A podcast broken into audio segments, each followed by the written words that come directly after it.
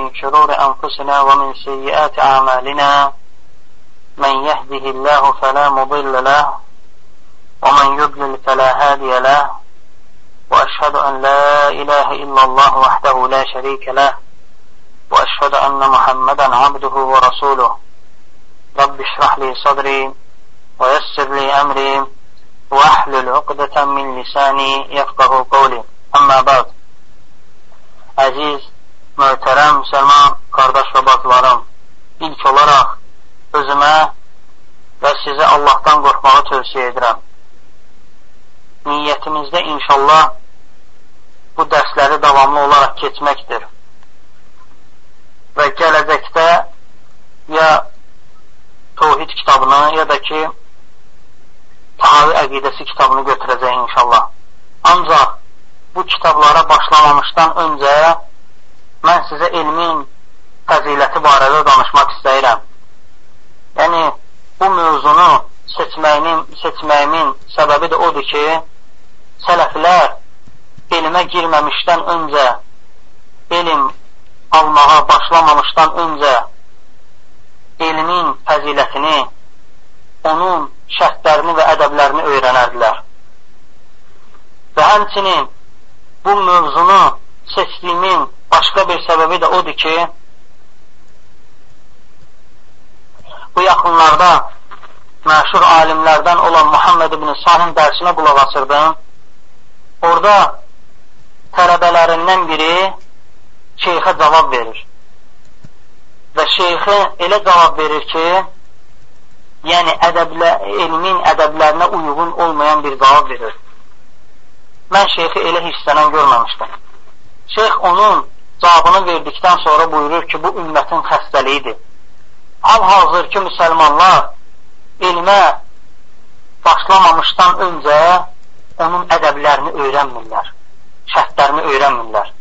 Bu da ki, onların düz elm almamasına gətirib çıxardır və yaxud da aldığı elmin onlara fayda verməməsinə gətirib çıxardır.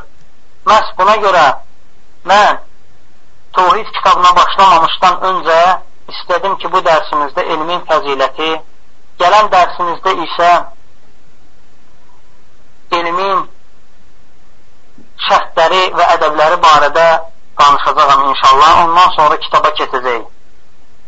Allah subhanətə alə biz insanlara çoxlu neymətlər verib.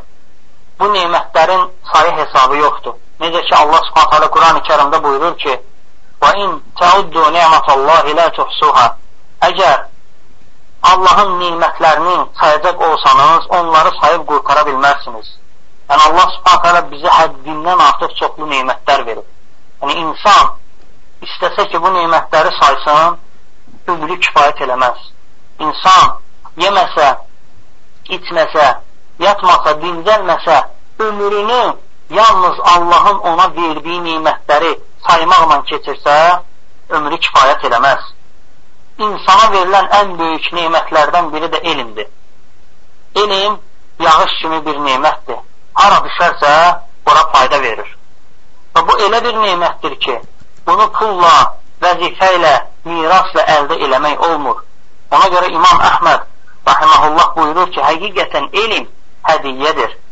Uca Allah onu istədiyinə verir.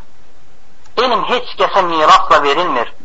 Əgər mirasla veriləsi olsaydı, ilk olaraq peyğəmbərlərin əhli beytinə verilərdi. Doğrudan da belədir. Bilirsiniz, insan öldükdə onun qoyub getdiyi malı varisləri götürürlər. Yəni, miras olaraq götürürlər. Əgər elmdə belə olsaydı, Peyğəmbər sallallahu aleyhi və səlləmin qoyduğu bu mirası, yəni elmi, onun əhli beyti götürərdi. Ancaq Allah subhanətə alə Peyğəmbər sallallahu aleyhi və səlləmin mirasını elə bir miras yaratdı ki, onu görməyən belə onun mirasından götürə bilər. O ki, elmdir. Kim ona can atarsa və şərtlərini, ədəblərinə riayət edərsə, Allah subhanahu teala bu elmi istədiyi kimi ona verər. Elm elə bir neymətdir ki, hər bir insanın hər an ona ehtiyacı var. Hər an ona ehtiyacı var elmlərin arasında insana ən çox lazım olanı, fayda verəni də məhz İslam elmidir. Çünki insan bu elmin sayəsində Allahın razılığını qazanır. Dünya həyatında güzaranını yaxşılaşdırır. Ən yüksək əxlaqa malik olur. İxtilaf və fitnələrdən uzaq olur. İslam elmi sahibinə həm bu dünyada, həm də axirətdə fayda verdiyi üçün ən üstün və ən şərəfli elm adlanır.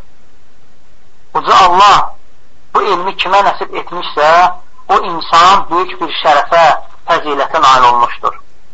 İslam elminin çoxlu fəziləti vardır. Bu fəzilətdən bəzilərini qeyd eləmək istəyirəm. Allah subhanət hələ Quran-ı kərimdə buyurur ki, Yu'til hikmətə mən yəşə və mən yu'təl hikmətə fəqad utiyə xeyran kəthira və mə yəzzəkkəru illə ulul əlbəd. İsə ona çoxlu xeyir nəsib etmişdir. Bunu isə ancaq düşüncəli insanlar anlayarlar. Bu hədisdə hikmət elm mənasını verir. Yəni bu hədisdə nəzərdə tutulan hikmət elmdir. Allah Subhanahu taala onu istədiyinə verir. Yəni insan da ona can atarsa, şərtlərini, ədəblərini düzgün götürərsə, Allah Subhanahu taala bu elmi də ona verər. Başqa bir ayədə buyurur ki: "Şahidallahu ennehu la ilahe illa huve vel melaiketu ve ulul ilmi qaimen bil qist." Qaimen bil qist, la ilahe illa huvel azizul hakim. Buyurur ki, Allah özündən başqa tanrı olmadığına şahidlik etdi. Mələklər və elm əhli də şahidlik etdilər. Baxın, subhanallah, bu elm əhlinin fəzilətini bildirən əzəmətli ayələrdəndir. Bu ayə elmin və onun əhlinin fəzilətinə bir neçə cür dəlalət edir. Birincisi, Allah insanların içində ancaq alimlərin şahidliyini qeyd edir. İkinci, Allah onların şahidliyini öz şahidliyi ilə yanaşı zikr edir. Üçüncü, Allah onların şahidliyini mələklərin şahidliyi ilə zikr edir. Dördüncü, Allah onlara zamin durur. Uza Allah bilirsiniz, yalnız təriflədiyi və razı qaldığı kimsələrə zamin durur. Başqa bir ayədə Allah subhanətə alə elmli ilə cahilin fərqini ayırmaq üçün belə buyurur. Həl yəstəvillezine ya'lemun vellezine la ya'lemun heç bilənlərlə bilməyənlər eyni ola bilərlərmi? Əlbəttə ki, eyni ola bilməzlər. Allah subhanət hələ başqa bir ayədə buyurur ki, وَقُلْ رَبِّ زِدْنِي عِلْمَ Ey Rəbbim, elmimi artır. Ayəyə fikir verin. Uca Allah Peyğəmbəri sallallahu aleyhi və sələmə ondan elm istəməsini əmr edir. Bu da ki, elmin fəzilətini bildirir.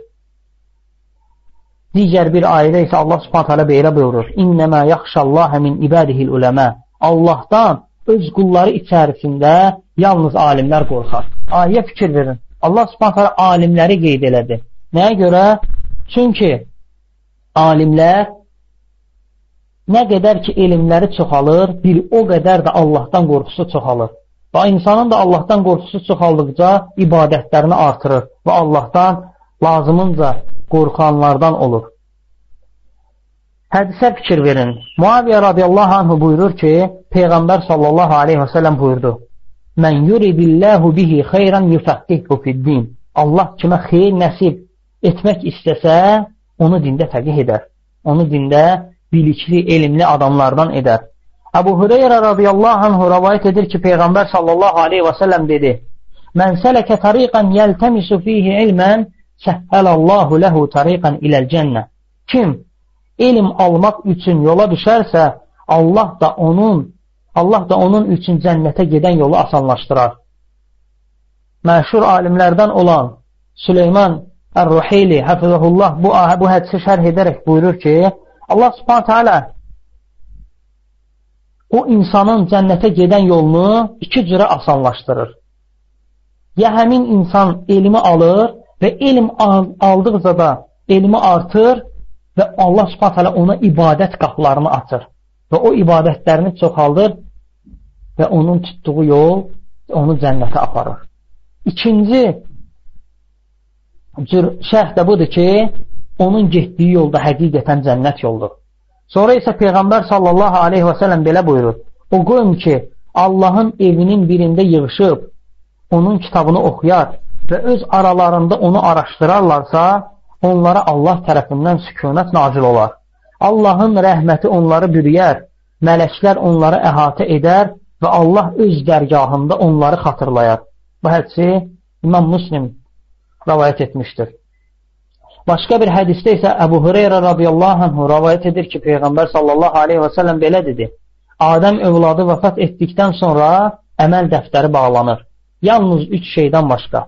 Ardı kəsilməyən sədəqə, fayda verən elm və valideyn üçün dua edən əməli salih evlad. Subhanallah, hədisə fikir verin. Bu, ilmin fəzilətinə aid olan ən əzəmətli hədislərdən biridir. Baxın, Peyğəmbər sallallahu aleyhi və səlləm burada üç dənə xislət sayır. Ardı arası kəsilməyən sədəqə, fayda verən elm və üçüncüsü də ki, valideyn üçün dua edən əməli salih evlad. Yəni, insan öldükdən sonra onun dəftəri bağlanır. Ancaq bu üç şey vasitəsilə onun savabı ona savab gedir. Bu üç şeylər də Peyğəmbər sallallahu aleyhi və sələmin bu hədisdə zikr elədiyi şeylərdir. Ancaq bu üç xislət yalnız bir adamda cəm ola bilər. O da ki, alimdir. Əgər insan elm alarsa və alimlərdən olarsa, və bu üç xislət üçündən də ona savab gedər. Ancaq bu üç xislət yalnız alimdə cəm olur. Keys, Kəsir ibn Keys rəhməhullah buyurur, Dəməş şəhərində Əbu Dərdə ilə birlikdə oturmuşdum. Əbu Dərdə radiyallahu anh da sahabələrdəndir, məşhur sahabələrdəndir. Bir nəfər bizə tərəf yaxınlaşaraq dedi, ey Əbu Dərdə, mən Peyğəmbər, Peyğəmbərin şəhəri olan Mədinədən çıxıb sənin yanına gəlmişəm. Peyğəmbər sallallahu aleyhi və səlləmin şəhəri bilirsiniz, Mədinə şəhəridir. Dəməş şəhəri isə Suriyadadır. Baxın məsafə necə böyük bir məsafədir. Həmin o şəxs Peyğəmbər sallallahu aleyhi və səlləmin şəhərindən çıxıb Dəməşqə gəlib. Əbu Dərdə radiyallahu anhunun yanına. Sonra isə özü bəyan edir ki, nəyə görə gəlib? Buyurur ki, məni sənin yanına gətirən hər hansı bir ehtiyacım deyil, yalnız elm almaqdır. Fikir verin, subhanallah, elmə görə durub Mədinədən Dəməşqə gedir. O vaxtı indiki kimi nə maşın, nə təyyarə, nə qatar, bu cürə vəsaitlər yox idi, bu cürə vasitələr yox idi. Onlar ancaq at, dəvə, eşək və yol təhlükəli olu-ola gedirdilər. Buna baxmayaraq, o elm üçün durub Mədinədən Dəməşqə gedib. Abu Dərda radiyallahu anhu da ona Peyğəmbər sallallahu aleyhi və səlləmin hədisini oxuyur. Buyurur ki, mən Peyğəmbər sallallahu aleyhi və səlləmin belə dediyini eşitdim. Mən sələkə tariqan yəltəmisu fihi ilmən سهل الله له طريقا إلى الجنة. وإن الملائكة لتضع أجنحتها رضا لطالب العلم. وإن العالم ليستغفر له من في السماوات ومن في الأرض حتى الحيتان في جوف الماء. وإن فضل العالم على العابد كفضل القمر على سائر الكواكب. وإن العلماء ورثة الأنبياء. وإنما الأنبياء لم يورثوا دينارا ولا درهما وورثوا العلم. Fəmən əxədəhu əxədə bihəzzin vafir. Kim elm almaq üçün yola çıxarsa, Allah da onun üçün cənnətə gedən yolu asanlaşdırar. Mələklər öz qanadlarını razı halda elm tələbələrinin ayaqları altına sərərlər. Yerdə və göydə nə varsa alim üçün bağışlanma diləyər. Hətta suyun dərinliyində olan balıqlar belə. Alimlə abidin fərqi ulduzlarla ayın fərqinə bənzəyir. Həqiqətən alimlər peyğəmbərlərin varisləridirlər. Çünki peyğəmbərlər nə bir dinar, nə də ki dirham miras qoyub gediblər. Onların qoyub getdiyi miras elmdir. Kim ki ondan pay götürmüşsə, böyük bir xeylə nail olmuşdur. Baxın, subhanallah, doğrudan da belədir. Kim ki Peyğəmbərin mirasından pay götürübsə, həm bu dünyada, həm də ahirətdə böyük xeyrə nail olub. İslam elminə yiyələnən insan Peyğəmbərin mirasından pay götürüb. Hədisdə deyildiyi kimi Peyğəmbərlər özündən sonra heç bir şeyi miras qoyub getmirlər elmdən başqa. Buna görə də elmə yiyələnən hər bir insan Peyğəmbərin mirasından pay götürmə şərəfinə nail olar. Elmin fəzilətini bəyan edən digər bir hədisdə isə Peyğəmbər sallallahu aleyhi və səlləm belə buyurur. Yalnız iki nəfərə həsəd aparmaq olar. Allahın Quran bəxş etdiyi şəxslər. O şəxslər ki, onu gecə və gündüz oxuyarlar. İkincisi isə Allahın mal-mülk verdiyi şəxslərdir. O şəxslər ki, mallarından gecə və gündüz Allah yolunda xərcləyərlər. Elmin fəziləti barədə Ömər ibn-i Xattab bu gözəl sözləri deyib. Ömər ibn Xattab radiyallahu anhu buyurur ki, həqiqətən hər kəs mənzilindən dağ boyda günahla çıxa bilər və elm aldıqdan sonra Allahdan qorxub günahlarından çəkinər və tövbə edər. Beləliklə də mənzilinə, mənzilinə günahsız qaydar. Sonda da buyurur ki, elm məclislərini tərk etməyin. Ömər ibn Abdüləziz rahməhullah buyurur ki, kim Allaha elmsiz ibadət edərsə, islah etdiyindən çox fəsad edər. İslah etdiyindən çox fəsad edər. Fikir verin, doğrudan da əzəmətli, çox ibrətamiz bir kəlamdır. Kim Allaha elmsiz ibadət edərsə, islah etdiyindən çox fəsad edər. Baxın, hal-hazır ki, müsəlmanlara bugün İslama girir, 2-3 ədiz öyrənəndən sonra görürsən ki, sabah artıq fətva verir. Bu cürə şeylər də müsəlmanlar arasında təfriqəyə, ixtilafa, kin küdurata gətirib çıxardır. Çox insanlar elə güman edirlər ki, mal, mülk bu dünyada şərəf gətirən ən böyük şeydir. Ona görə də görürsən ki, kimin mal mülkü, vəzifəsi varsa, insanlar onunla dostluq eləməyə can atırlar. Ancaq əslində isə Allah yanında ən hörmətli insanlar o şəxslərdir ki, onların elmi var və Allahdan lazımınca qorxurlar elm nə qədər artarsa, yəni faydalı elm, insanın təqvası da bir o qədər artar. Elmlə, elm ilə malı Əli radiyallahu anh gözəl müqayisə edərək belə buyurur. Elm mal dövlətdən daha xeyirlidir. Elm səni qoruyar, mal dövləti isə sən qoruyursan. Elm hakimdir, mal dövlət isə məhkumdur. Mal dövlət yığanlar məhv oldular, elm öyrənənlər isə həmişə yaşayırlar özləri ölüb getsələr belə şəxsiyyətləri daima qəlbdədir. Doğrudan da belədir. Baxın, subhanallah, Buxari, Muslim və yaxud da digər alimlərə gör neçə əsr bundan əvvəl ölüb gedirlər. Ancaq indiyənə qədər də onların adı zikr olunur. Necə ki, Ömər ibn Abdüləziz bir gün öz yaxınlarını yığır Və buyurur ki, bizim məclisimizin ən şərəfli insanı kimdir? Və məclisdə olanlardan biri buyurur ki, əlbəttə ki, sənsən. Nəslin gedib Ömərə, ondan da ki, Peyğəmbər sallallahu aleyhi və sələmə gedir çıxır. Həmçinin sən salih bəndəsən. Eləcə də gözəl əmirsən, yəni ədalətli əmirsən. Ömər ibn Abdüləziz buyurur ki, yox, səhv eləyirsən bu məclisimizin ən gözəl insanı, ən xeyirli insanı o alimdir. Orada da bir dənə alim olur, onu göstərir. Çünki buyurur ki, buyurur ki, çünki mən öldükdən sonra, yəni nə vaxtsa xəlifələr zikr olunduqda, laf mənim adım ola bilsin, onların yanında keçsin. Ancaq o insanın adı hədis rəvayət elədiyi üçün həmişə Peyğəmbər sallallahu aleyhi və səlləmin adı ilə yanaşı zikr olunacaq. Doğrudan da belədir, subhanallah. Baxın, görün tarixdə, tarixdə nə qədər alimlər olub. İndiyənə qədər də onların adı dillər əzbəridir. Elə olur ki, elm tələbələbələrindən gelib soruşsan, heç babalarının adlarını bilmirlər. Ancaq o cürə alimlərin babalarını, onun babasını, həyatını çox gözəl bilirlər. Görün, Allah subhanət hələ necə bu elmlə insanları izzətləndirir. İbn Qeym rəhməhullah məşhur kitabı olan Miftəhu Dərus Səadə kitabında elmin maldan olması, maldan üstün olmasına dair 40 bənd gətirir. Onlardan bəzilərini qısa olaraq xatırlatmaq istəyirəm. İbn Qeym rəhməhullah buyurur ki, elm peyğəmbərlərin mirası, mal isə varlıların mirasıdır. Elm sahibini qoruyur, malı isə sahibi qoruyur. Mal xərclədikcə artır, elm xərclədikcə azalır e, mal xərclədikcə azalır, elm xərclədikcə artır. İnsan vəfat etdikdə mal ondan ayrılır. Elm isə sahibi ilə birlikdə qəbrə daxil olur. Elm hakim, mal isə məhkumdur. Elmə hamı, mala isə yalnız ehtiyacı olanlar möhtacdırlar. Elm dostları çoxaldır, mal isə düşmənləri. Elm sülhə, ədalətliyə, haqqa tabi olmağa, mal isə paxıllığa, təkəbbürlüyə gətirib çıxardır. Elmin əsli ibadət, malın əsli isə pislikdir. İlm sahibini Allaha yaxınlaşdırır, mal isə sahibini Allahdan uzaqlaşdırır. Mal sahibindən mütləq ayrılır və ayrılanda da əzab verir.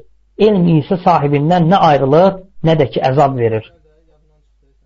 Muaz ibn Cəbəl radiyallahu anhu elm barədə gözəl və əzəmətli sözlər buyurub. Bunu sizin nəzərinizə çatdırmaq istəyirəm. Diqqətli olun, çox mənalı sözlərdir. Muaz ibn Cəbəl radiyallahu anhu buyurur ki, elm öyrənin. Həqiqətən elmi Allah xatirinə öyrənmək təqvadır. Elm tələb etmək ibadətdir. Elmi müzakirə etmək Allahı zikr etməkdir. Elmi axtarmaq cihaddır. Bilməyənlərə elmi öyrətmək sədəqədir. Çünki məhz elm halal və haramın öyrədilməsi üçün səbəbdir. Cənnət əhlinin yolunu işıqlaşdıran nurdur. Vəhşilər arasında insandır. Qəriblikdə insanın dostudur. Xəlvətdə sənə həmrəydir. Sevinc və kədərində sənə yol göstərən vasitədir. Düşmənlə mübarizədə silah, dostlar arasında isə zinətdir. Onunla uca Allah bir qism insanlara xeyir nəsib edir və onlar aparıcı qüvvəyə çevrilirlər və digərləri də onların arxasınca gedirlər. Mələklər də onları sevir və onları əhatə edir, qoruyur. Hər biri canlı və cansız onlar üçün bağışlanma diləyir. Hətta dənizdəki balıqlar və qurudakı heyvanlar belə.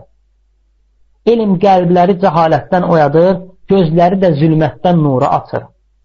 Bəndə elmin fəziləti ilə ən xeyirli insanların dərəcəsinə çatır. Dünya və axirətdə olan ən yüksək məqamə nail olur. Elmi düşünmək, sünnə orucunu müzakirə etmək isə gecə namazını əvəz edir. Onun vasitəsilə qohumluq əlaqələri möhkəmlənir. Elm hər bir əməlin imamı hesab olunur. Əməl də ona tabi olur. Baxın, sonra gö sözünü gözəl bir ibrətamiz, mənalı bir sözlə tamamlayır. Buyurur ki, elmə nail olan insan xoşbəxt, ondan məhrum olan insan isə bədbəxt olur. Subhanallah, fikir verin. Doğrudan da belədir. Elmə nail olan insan həm bu dünyada, həm də ki, ahirətdə xoşbəxt olanlardandır. Ancaq elmi olmayan insan isə görürsən, həm bu dünyada bədbəxt olur, həm də ki, ahirətdə. İmam Əhməd rahiməhullah buyurur, insanların elmə, yemək və içməkdən daha çox ehtiyacları vardır.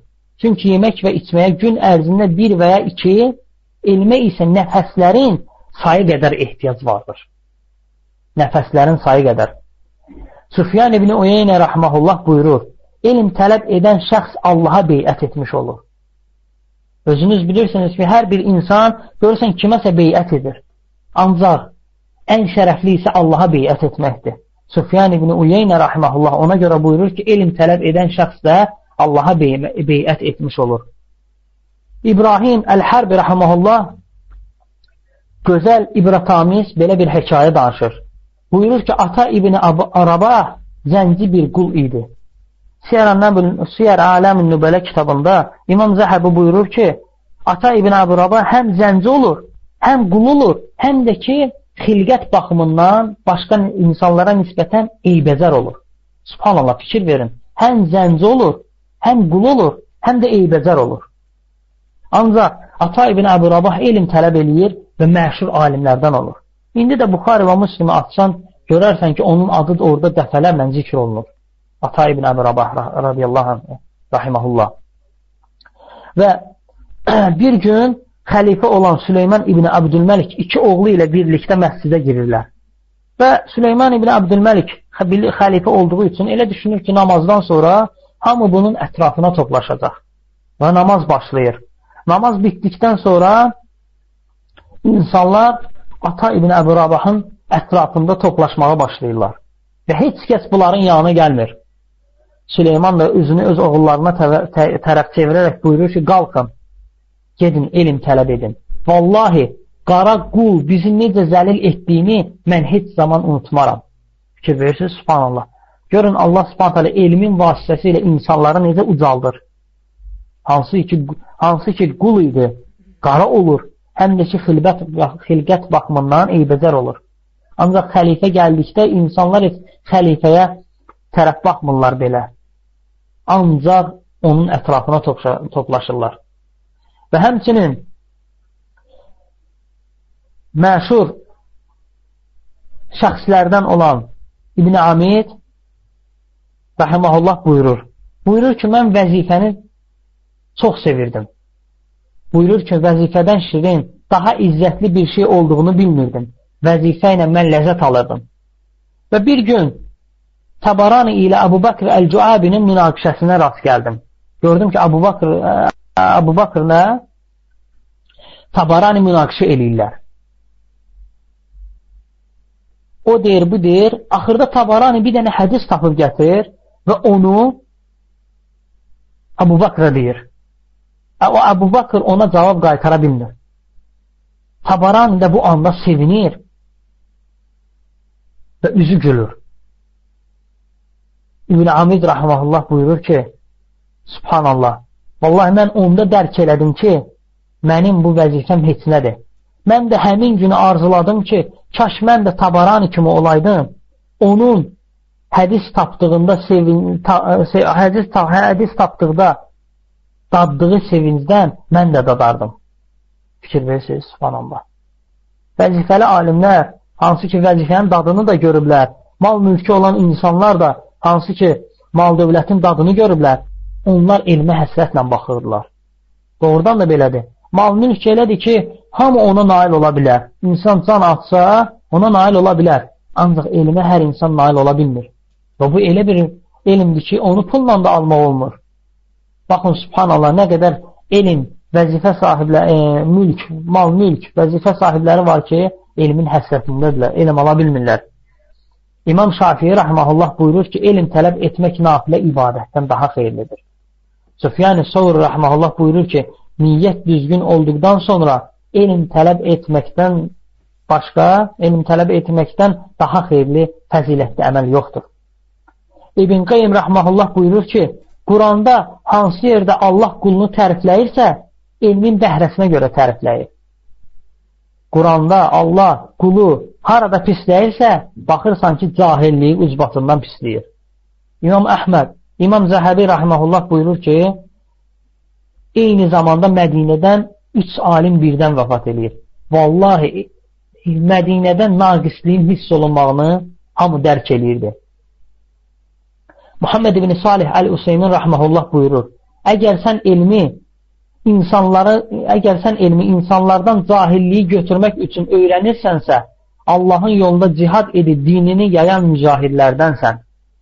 Baxın, görün, subhanallah, elmə necə dəyər verirlər. E, kim ki, elmin fəziləti barədə geniş məlumat almaq istəyirsə, İbn Qeym Rəhməhullahın Müftəhu Dərus Səadə kitabına müraciət etsin. İbn Qeym Rəhməhullah həmin kitabda elm əhlinin fəzilətinə dair 153 dənə səbəb gətirir. Və Allah subhanətə alədən istəyirəm ki, bizi eşidib faydalananlardan eləsin. Və sallallahu alə əminə Muhammed və alə əlihi və səhbilə